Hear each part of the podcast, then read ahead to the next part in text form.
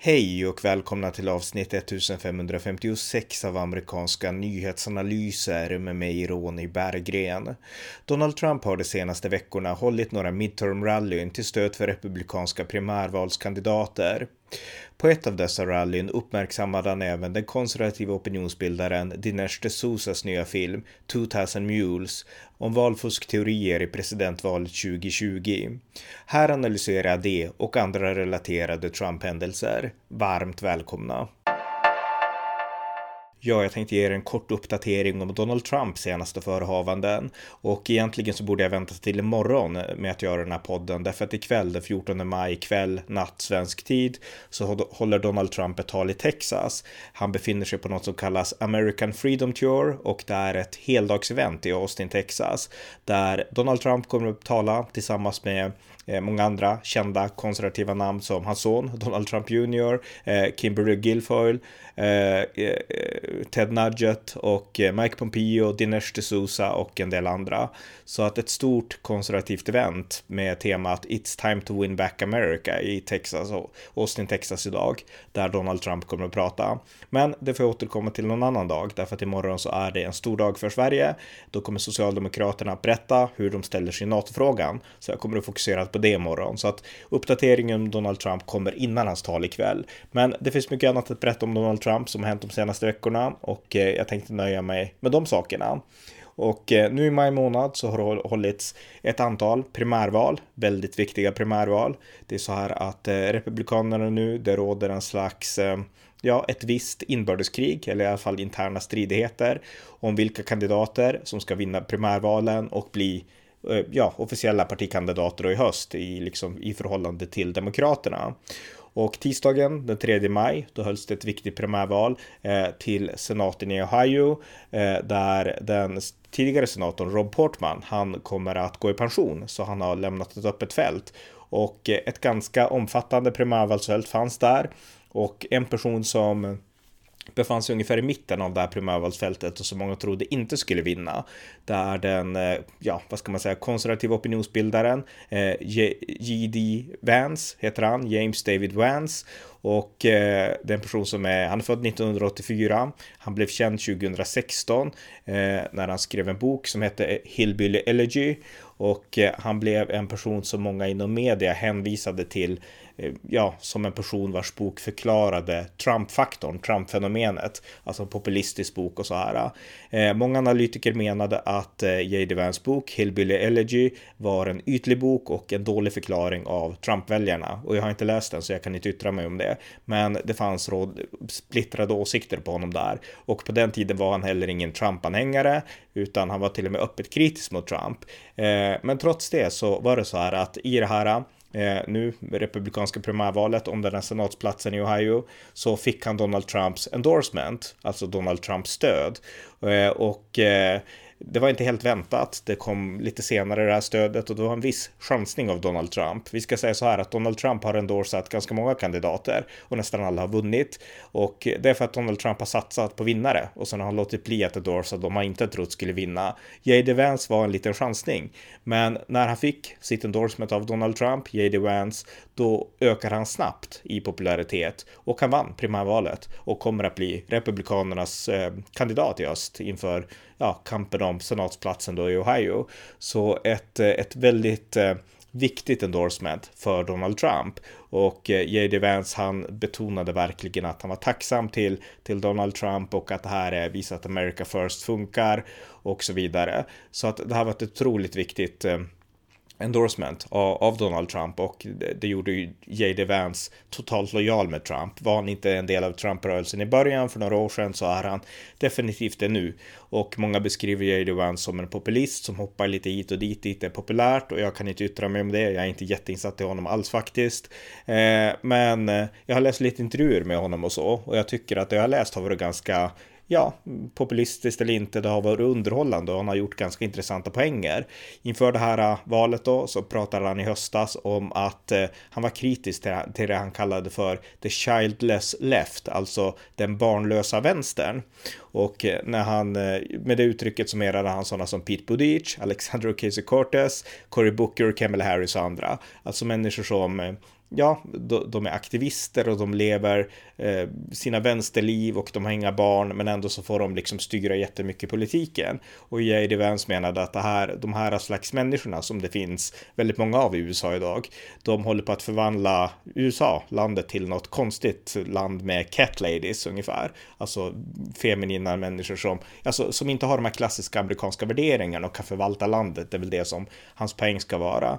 Eh, han har också gjort en del andra uttalanden. Han har varit kritisk till kriget i Ukraina och USAs stöd och tycker att vi kan satsa mer på USA. Sen har han tonat ner de här sakerna med tiden. Så att han har varit lite här och där och en sån här, eh, i mitt tycke, och ganska osäker kandidat som försöker hitta rätt åsikter men kanske inte har, har de här tydliga övertygelserna byggt på liksom lång erfarenhet och liksom ideologisk djup. Det, det kanske han inte har utan han är en konservativ populist som väldigt många av Trump-anhängarna är.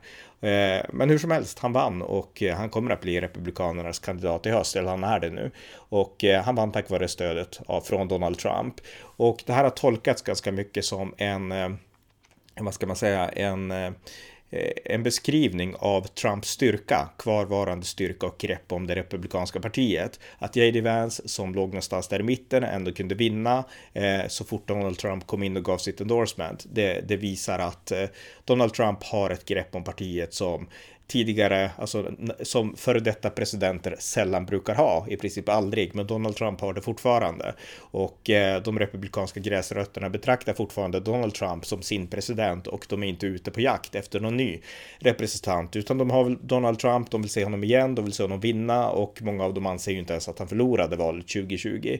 Eh, så att eh, han har stark väljarbas och den kan påverka när Trump ger sin endorsement, vilket J.D. Vance seger i, i senatens Republikanens primärval i Ohio visar då.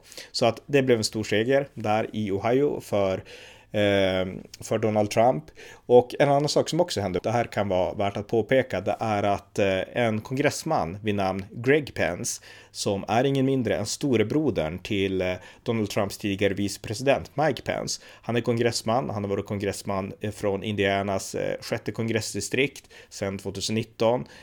Han, det här är alltså Indiana, jag kanske sa Ohio tidigare, men han vann också sitt, eh, sitt primärval eh, och han fick ett endorsement av Donald Trump och eh, Donald Trump menade att han, eh, eh, Greg Pence, han, han står upp för the second amendment, alltså rätten att bära vapen, han står upp för militären och veteranerna och en säker gräns. Så att han fick Donald Trumps endorsement. Och det trots att Donald Trump ändå befinner sig i en viss konflikt med sin tidigare vicepresident Mike Pence. Alltså de här går inte längre jättebra ihop. Och Eh, ja, Mike Pence har gjort en del endorsements som går stick i stäv med Donald Trump och sådär. Men brorsan, Greg Pence, fick ändå Donald Trumps endorsement och vann. Så att det var också en rätt intressant sak då. Men det där var i alla fall eh, eh, på primärvalen då som hölls den 3 maj. Eh, sen kom det fler primärval och eh, Eh, Donald Trump han har varit ute, ute och kampanjat och eh, den 7 maj så var han i Pennsylvania och kampanjade där för eh, Dr. Oz, som han kallas, Dr. Oz, eh, som heter Meshmet Oz, som är republikan och kandiderar i eh, ja, eh, till senaten i, i, i, liksom, i, i primärvalet där. Och eh, han, han önskar då ersätta den sittande senatorn Pat Toomey. Och eh, det republikanska primärvalet i, i, i, i Pennsylvania hålls, nu måste jag googla här för jag är inte helt säker på när det hålls. Det hålls den eh, den 17 maj, precis. Nu på tisdag alltså hålls primärvalen i Pennsylvania. Och eh, där har alltså Donald Trump eh, endorsat Dr. Oz, Meshmet Oz, som är republikan och som beskrivs som en, ja, en viss tokstolle. Jag kan inte så mycket om honom heller faktiskt. Men eh, jag läser mest bara på Wikipedia här att han håller på med pseudomedicin och healing och sådana saker. Och eh, ja, han verkar vara utifrån hur man nu betraktar saken en ganska konstig person, men han har fått Donald Trumps stöd i alla fall. Och eh, Donald Trump var i Pennsylvania för att kandidera för honom den 7 maj.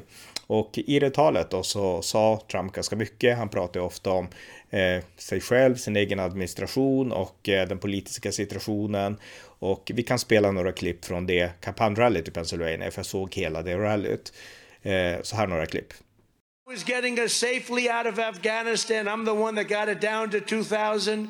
We were going to keep Bagram because of China, one hour away from where China makes its nuclear weapons. We want to keep Bagram. We gave it away. You know who's occupying Bagram right now? China. Creating peace in the Middle East, ending the endless wars, and bringing our troops the hell back home. It's time. 21 years. Biden turned Afghanistan into the greatest humiliation in American history. I believe that too. With soldiers killed and horrifically wounded. Nobody talks about the soldiers that lost their legs and their arms and more. And hostages that were left behind. We have American hostages that were left behind, many of them. Putin saw this incredible weakness, and that's when he decided to invade Ukraine. He didn't look at Ukraine when I was there. He would never have done it. Would have never, ever happened 100%. And now you look at the death and the destruction. This is the most dangerous time in the history of our country because of the incredible power of modern day weaponry. They don't know how to deal with Vladimir Putin. They don't. They're saying exactly the wrong thing at the wrong time. They know nothing about psychology and what it takes to end this madness that's going on. Millions of people will end up being killed because we don't know what the hell we're doing. They are saying exactly the wrong thing at the wrong time. This should never have happened. And frankly, it should not be allowed to continue. Should not be allowed to continue. What's going on in Ukraine should not be allowed to continue. There was no reason for that to happen. And I'm telling you, he watched Afghanistan and he saw what happened the way we pulled out. Well, we took our military out first. Whoever heard, how stupid could you be? Do you know, when I was there, I spoke to the leader of the Taliban, Abdul. And I said, Abdul, no more. You're not going to kill any of us. They were killing a lot of soldiers under Obama snipers and everything else. And I said, no more, you're not going to do it, Abdul. I said it much stuff. I don't want to sort of imitate it now. But I said, Abdul, if you do anything more, we're going to blow you to pieces. We're going to blow you to pieces. And he said, Yes, Your Excellency, I understand. He called me Your Excellency, which was nice. I wonder if he calls Biden Your Excellency. Actually, no, Biden wouldn't speak to him. We're so angry at what took place, and we're so angry at them and the gross incompetence. The only thing they're good at is rigging elections. It's the only thing they do well. It's the only thing they know how to do. But we have the wrong people in the wrong place at the wrong time. That's what we have. Under my leadership, America was strong and America was respected like never before. And not all of the foreign leaders loved me. Why would they? I said, You have to pay for NATO. You have to take our goods. The trade deals were no good. I redid trade deals and made them great. Mexico, Canada now, both countries, you know, we did the USMCA, which was NAFTA, which was a disaster. We made the USMCA, which is great. Joe Biden and the radical left Democrats have turned calm into chaos, competence into incompetence and stability into anarchy, prosperity into poverty, and security into a catastrophe. You look at Afghanistan again and again. We'll never forget it. They, it would be nice if they would talk about it. They never talk about it, the fake news, because it's so horrific what happened. It was so bad, they never talk about it. The election was rigged and stolen, and now our country is being destroyed because of it. None of these things would have happened. Meanwhile, we have a president who has no idea what's happening, who's shaking hands with thin air while Putin talks about nuclear weapons all the time. I ran twice, I won twice, and did much better the second time than I did the first time, getting 12 million more votes than we did in 2016, and likewise getting more votes than any president in the history of our country. We got more votes by millions than any president in the history of our country by far. And now we may have to do it again.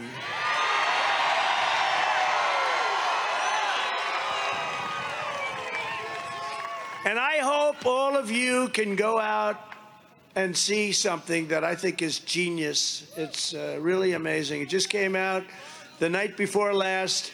It opened, it had a premiere in a Florida, beautiful house, small little place, a quaint place called Mar-a-Lago. And we had over a thousand people, very important people. And, you know, they'll try and suppress it as much as possible, but it's determinative, definitive, whatever word you want to use. You know, they like to use determinative. That means election changing. Definitive, election changing. Or just say it was election changing, probably. That's a, but I hope you can see the genius of Dinesh D'Souza's incredible new documentary. It's called 2,000 Mules. And basically, Biden didn't get the votes, but he did get the ballots, okay, in a sense. But it's an incredible, it's an incredible documentary. I mean, if if the people that do this stuff is, were fair, this would get every award. There'd be nothing even close. This exposes the fraud like nothing else.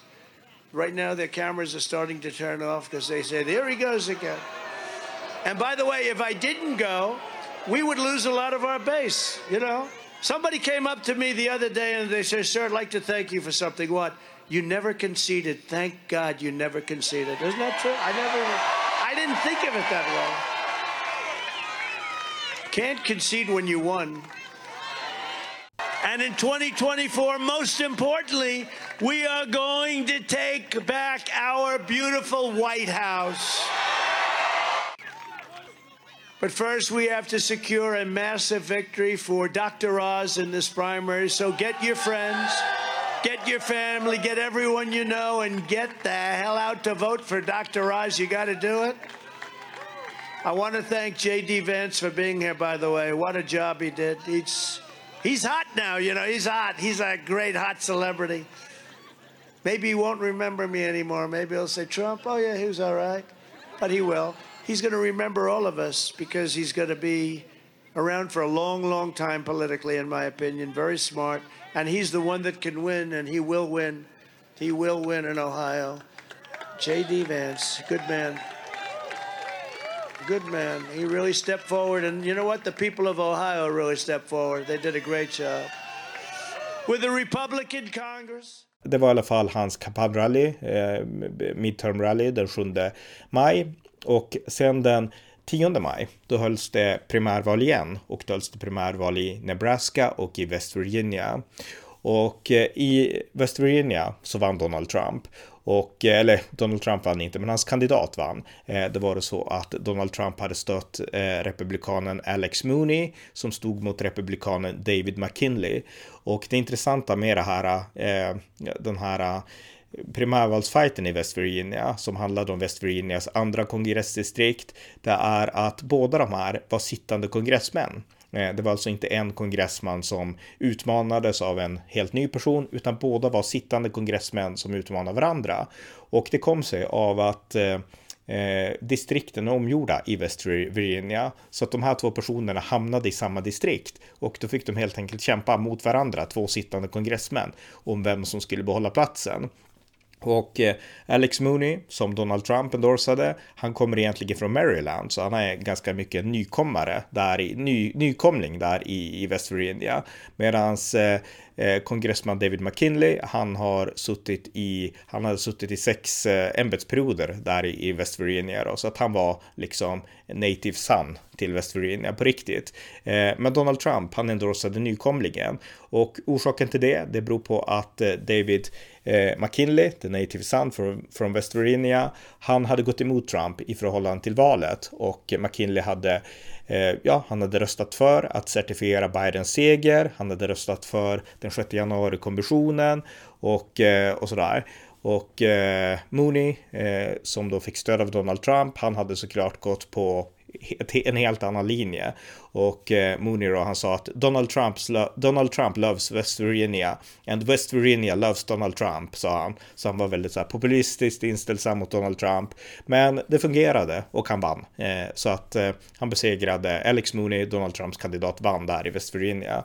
Så att där vart det verkligen en seger då för, eh, eh för, för Donald Trumps kandidat. Men samma dag Eh, så hölls också en, ett primärval då i Nebraska eh, den 10, eh, den 10 maj. Och i Nebraska så gick det sämre för Donald Trumps kandidater. Donald Trump hade kampanjat i Nebraska den 1 maj, hade han hållit ett rally där och där så hade han då, där handlade det om eh, guvernörsposten i Nebraska.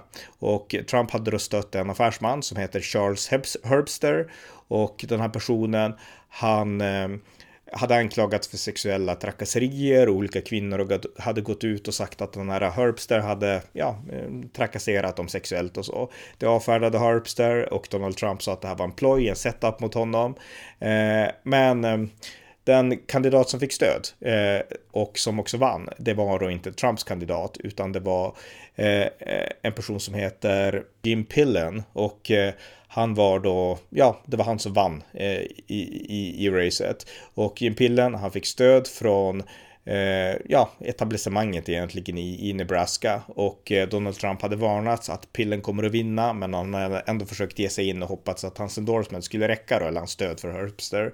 Men det gjorde det inte utan pillen vann så att eh, pillen som är en eh, affärsman eh, och en, eh, ja, en person som har haft många tunga eh, roller och även blev endorsad av den sittande guvernören Pete Ricketts. Eh, han vann helt enkelt och kommer att ja, att bli Republikanernas guvernörskandidat då i, i Nebraska. Så där eh, förlorade Donald Trumps kandidat. Eh, och Nebraska visade också att, att Donald Trump, även om han är stark i många avseenden, så finns det också en eh, rörelse som inte går på Trumps linje och som också kan klara av att, att, att överleva. Eh, det fanns också en kongressperson i, i Eh, Nebraska som Donald Trump också hade gett ett stöd lite grann men som inte heller vann. Så Nebraska vart förlustdagen där för Donald Trump så att det vart en blandad kompott. Och efter J.D. Vance seger i Ohio, då menade många att Trump har helt och hållet greppet över partiet. Men det som hände i Nebraska visar att okej, okay, Trump har det fortfarande, men det finns fortfarande fickor där Donald Trump inte kan penetrera. Och eh, ja, det kunde man se där då. Eh, så att eh, det var lite om de val som har hållits i den senaste tiden och de diskussioner som de här valen har lett fram till om Donald Trumps ställning i partiet. Nu ska vi gå över lite mer till Dinesh D'Souza's film som jag nämnde tidigare. Ja, jag tänkte avsluta med några ord om den här nya dokumentärfilmen som nämndes på Trumps rally i Pennsylvania, klippet jag spelade.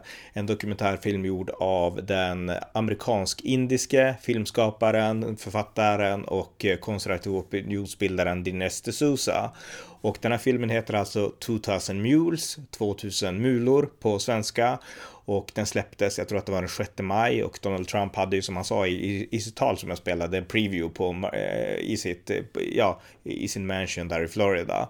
Och eh, den här filmen i alla fall, eh, den går ut på att eh, valet var stulet. Den bekräftar Trumps narrativ och eh, Dinesh D'Souza han eh, menar då att eh, det fanns minst 2000 mulor som eh, ja, stoppar in falska valkuvert, falska valsedlar eller åtminstone falska valkuvert i de här dropboxes som fanns runt om i USA där man skulle kunna lämna poströster. Och det här är en tes, en idé som han har fått från True the Vote, en organisation från Texas som grundades för att liksom i efterhand granska har det varit fusk eller inte. För Donald Trump skapade verkligen ett drev som liksom fick igång en hel rörelse som ville granska och undersöka om det var valfusk. Och jag tillhör ju de som menar att det inte var valfusk och att det här hade bunkats ganska genomgående. Men True the Vote var en av de här många grupperna som menade att det var visst valfusk och eh, de har hållit på med ett arbete för att kunna bevisa det. Dels har de köpt in mängder av filmmaterial från de här eh, Dropbox-platserna där de då filmar människorna som stoppar in eh, val, valkuverten i, i de här brevboxarna. Eh, och dels har man också köpt eh, eh, pingningar från mobiltelefoner. Och då menar man sig kunna bevisa att somliga personer har kört från plats till plats till plats, alltså från Dropbox till Dropbox till Dropbox och slängt in olika valsedlar i olika sådana här Eh, förtidsröstningspostboxar eh, i de här viktiga delstaterna som Donald Trump förlorade genom att Biden då fick fler röster, fler ballots. Eh, så att det är tesen som drivs i den här dokumentären då av Dinesh D'Souza och argumenten som framförs är huvudsakligen inte nya. True Devote har fört fram de här tidigare. Jag minns det till och med från liksom början här och de har debunkats ganska väl. Och eh, det här är inte en debunkningspodd utan ni som vill ni får, eh, jag har skrivit min, jag skrev en lång artikel där i januari 2021 som heter Sagan om kraken. Trumps valfuskteorier debunkade. Där nämner jag inte det här, men jag nämner mycket annat. Och den här dokumentären och de här argumenten som Trude har, de har det skrivits om ganska ofta. Dels har väldigt mycket mainstream media såklart skrivit om de här och mainstream media har oftast en bias. De är oftast inte ens intresserade av att ens försöka förstå Trumps perspektiv. Det var det jag ville göra med min artikel Sagan om kraken. Jag vill verkligen lyssna på argumenten, de som sa att det här är valfusk, undersöka och se om det var rätt eller fel. Och det gjorde jag och jag kom till slutsatsen att eh, det var inte valfusk utan Trump har fel i sina påståenden. Men det finns också väldigt mycket ytlig debunkning. Men det finns en del djupare debunkning också av True the Vote och de bästa tycker jag har funnits på eh, mycket av, av det Trude the har framfört och som också framkommer i den här dokumentären centrerar kring Georgia, delstaten Georgia. Och eh, den tidning som har debunkat de här eh, idéerna om pingningar, mobiltelefoner och så här eh, bäst tycker jag. Det är The Atlanta Journal Constitution, en tidning i Georgia, som har skrivit ganska ingående där man då går igenom dokumentären steg för steg så att ni kan googla på den tidningen ni som vill läsa mer och få upp en rad artiklar då där man går igenom varför den här pingningen inte funkar, varför video, liksom klippen som visas inte betyder det som de här berättarrösterna försöker liksom lägga fram att det skulle betyda. Och jag minns ju efter 2020, då var det oftast att man tog filmklipp från vallokaler, så var det en konservativ berättarröst som liksom indikerade någonting och försökte tolka det som skedde. Och det skapade ett narrativ i människors sinnen att oj, det måste ha varit valfusk. Medan om man kollar på saken utan den här berättarrösten och bara för vad den var så kunde man inse att det var förmodligen något annat. Så att, eh, ja, så att mycket av det här är debunkat, så jag tycker ni ska, ni ska läsa om det.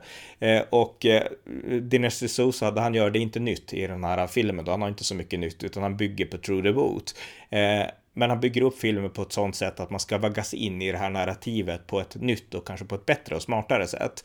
Eh, filmen inleds med att han inbjuder en rad eh, kända konservativa som eh, Eh, Dennis Prager, som eh, Gorka och som eh, Larry Elder och ett antal andra. Den unga killen, nu tappar jag hans namn, men som får komma till ja, till Dinesh D'Souzas kontor och där ska han visa olika filmklipp. Han visar då hur människor går fram eh, via de här filmerna han via True Devote har fått tag i till de här boxarna och stoppar in olika valkuvert och liknande.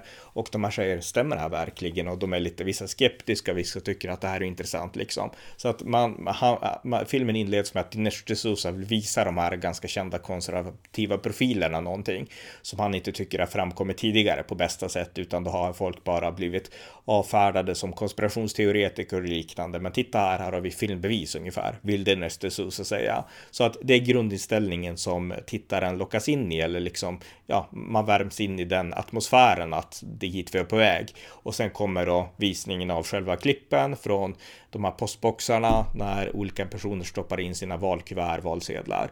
Och eh, det här med liksom pingningsteorierna som det här företaget då menar bevisar hur de här personerna som visas filmklippen har kört från postbox till postbox och stoppat in olika valsedlar. Och eh, som sagt, det finns många artiklar eh, på eh, Atlanta Journal Constitution. En heter What 2000 Mules Leaves Out of Ballot Harvesting Claims från den 10 maj av Mark Nies som ni gärna kan googla rätt på och läsa. Och eh, där finns det tydliga debunkningar av de här sakerna som, som sägs. Och eh, ja, eh, jag tycker väl att den här filmen inte var så bra. Jag har ju som sagt, jag har följt, jag har läst ganska mycket av Dinesh D'Souza, följt honom i många, många år. Jag började läsa honom 2003 och sådär. Och många av hans böcker är, de har många tydliga konservativa poänger som jag håller med om. Men han tar också lätt på historieskrivningen och han vill oftast måla upp ett narrativ med sina dokumentärer och böcker snarare än att granska vad är faktiskt sant och sen låta väljaren eller lyssnaren läsa den dra slutsatser. Utan han vill bygga ett narrativ och det gör han också i mitt tycke även i den här filmen. Men filmen har blivit populär, alltså Trump har promotat den och den här har blivit fått kultstatus inom loppet av en vecka inom hela Trump-rörelsen. Den har gått upp på massa topplistor Så att den här kommer att eh, slå stort bland Trump-anhängarna. Eh, det gör den inte bättre, tycker jag, utan jag tycker att den är ganska undermålig. Men det kommer att slå stort och det kommer att stärka Trumps narrativ om att valet var riggat och jag vann egentligen. Det han sa där i klippet jag spelade från Pennsylvania.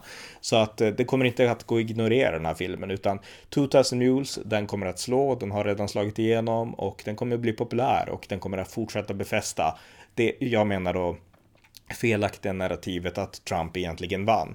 Och eh, det här är ju ett narrativ som även Demokraterna har drivit, att de har menat att Republikanerna har fuskat. Alltså Donald Trump har egentligen tagit det som var många demokrater, inte minst i Georgia, deras idéer om att republikanerna fuskar och han har tagit det till sin sida och sagt att demokraterna fuskar och använt ungefär samma argument som demokraterna förut använde mot republikaner. Så att det är också rätt intressant då. Men hur som helst, jag ska inte orera mer om den här. Jag är rätt säker på att det finns många av er som lyssnar som tycker att den här är värd att tas på allvar och att jag borde ha läst mer och verkligen granskat varenda sak i den här filmen. Eh, jag förstår det, därför att jag vet att det finns många Trump-fans som lyssnar på min podd också. Eh, men jag tycker inte att den här dokumentären håller. Vi får se om jag gör någon djupare debankning, men jag har sett den i alla fall och eh, det här var min åsikt om den.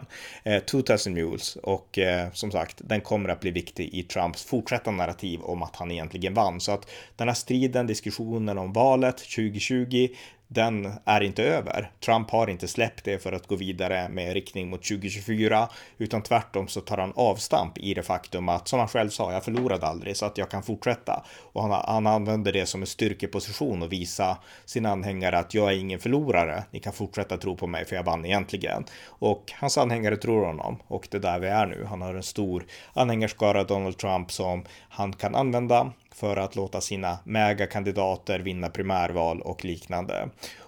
Och är det här bra för USAs konservativa rörelse? Eh, jag tycker inte det. Jag stödde Donald Trump 2016 och han har varit en väldigt bra president tycker jag sakligt. Men han tummar för mycket på sanningen i de här frågorna. Och han gör också att det republikanska partiet blir ytligt. Alltså de sysslar mycket med woke och de sysslar med ja, critical race theory pratas det om ofta. Och eh, eh, ja, valfusket inte minst då. Eh, sen pratar de om andra lite hårdare frågor också, en säkrare gränspolitik, rätten att bära vapen och sådär. Och i alla de här avseendena så har de ju rätt. Jag delar kritiken mot woke-kulturen, jag är för en säker gräns och jag tycker vapen är bra ungefär i USA. Men de gör ändå att partiet blir ytligare. Därför att det handlar om att ha rätt åsikter för stunden. Donald Trumps åsikter. Snarare än att bygga politik utifrån idéer. De här konservativa grundmurade idéerna som går tillbaks till författningsfäderna. Det är liksom på något sätt förytligas ganska mycket. Och det kan jag tycka är synd. Eh, jag kan också tycka att det är synd att sådana här som J.D. Vance och andra inte har någon koll alls på utrikespolitik utan de kan hoppa hit och dit. Och eh, det Republikanerna behöver, om nu de vinner mellanårsvalet i höst, vilket är sannolikt, och om Donald Trump vinner igen 2024, vilket jag också håller väldigt sannolikt, därför att han är populär i sitt eget parti och även om han måste lyckas nå mittenväljare, det är de som är ett hinder för honom då möjligen, så, så har han ändå goda chanser för att Biden har gjort bort sig så mycket. Men om Republikanerna ska kunna axla den värld som är nu 2022 med ett aktivt krig eh, där Ryssland krigar i Europa, ett Kina som växer, då måste man också bli mer ansvarstagande internationellt och i förhållande till världspolitiken. Så att eh, det skulle behövas någon slags eh, synkronisering mellan den här Trump-falangen som vill fokusera på ja, dels valet som jag tycker inte är bra att de fokuserar på, men dels woke och sånt som jag tycker är bra att de fokuserar på, men som på något sätt synkroniserar det med de klassiska gamla Reagan-republikanerna deras syn på fred genom styrka, USAs ställning i världen, USA som den globala världshegemonin, USA som den makt som fiender måste frukta och USA som den makt som engagerar sig i världen och leder världen i viktiga frågor. Det har ju på något sätt republikanerna retirerat ifrån lite grann under Donald Trump. Så gör Donald Trump comeback så tycker jag att han behöver, han kommer ju förbli Donald Trump, inget snack om den saken, men han kan inte bli mer inåtvänd utan han måste också rikta sig ut mot världen på ett nytt sätt, mer än han gjorde 2016. Och han var inte dålig utrikespolitiskt utan tvärtom, han var bra Donald Trump. Men det behövs ett ännu mer fokus på världshändelser nu skulle jag säga. Så att det är väl det jag kan efterlysa från Republikanerna. Men för att sammanfatta, Donald Trump, han har fortfarande greppet om partiet, även om det finns röster som sticker upp, så är det Donald Trumps parti och han har inte släppt det här om valfusk, utan han använder det som en startramp för att fortsätta framåt. Så att nu fick ni en kort uppdatering om det senaste av Trumps förehavanden. Och det ryktas också om förresten att han ska få tillbaka sitt Twitterkonto om han nu är intresserad av det. Det vet jag inte, men ryktet, ryktet går att Elon Musk vill ja, ge honom tillbaka sitt Twitterkonto. Så vi får se hur det blir där. Men det var min korta sammanfattning. Ni har lyssnat till amerikanska nyhetsanalyser där jag avslutningsvis vill mana till stöd för Ukraina. Om ni har möjlighet så skänker land till valfri organisation som stöder Ukraina i dessa krigstider. Det är europeisk solidaritet som är vår stora styrka i förhållande till den imperialistiska ryska stormakten. Och med den maningen sätter vi punkt för denna gång. Stort tack för att ni har lyssnat.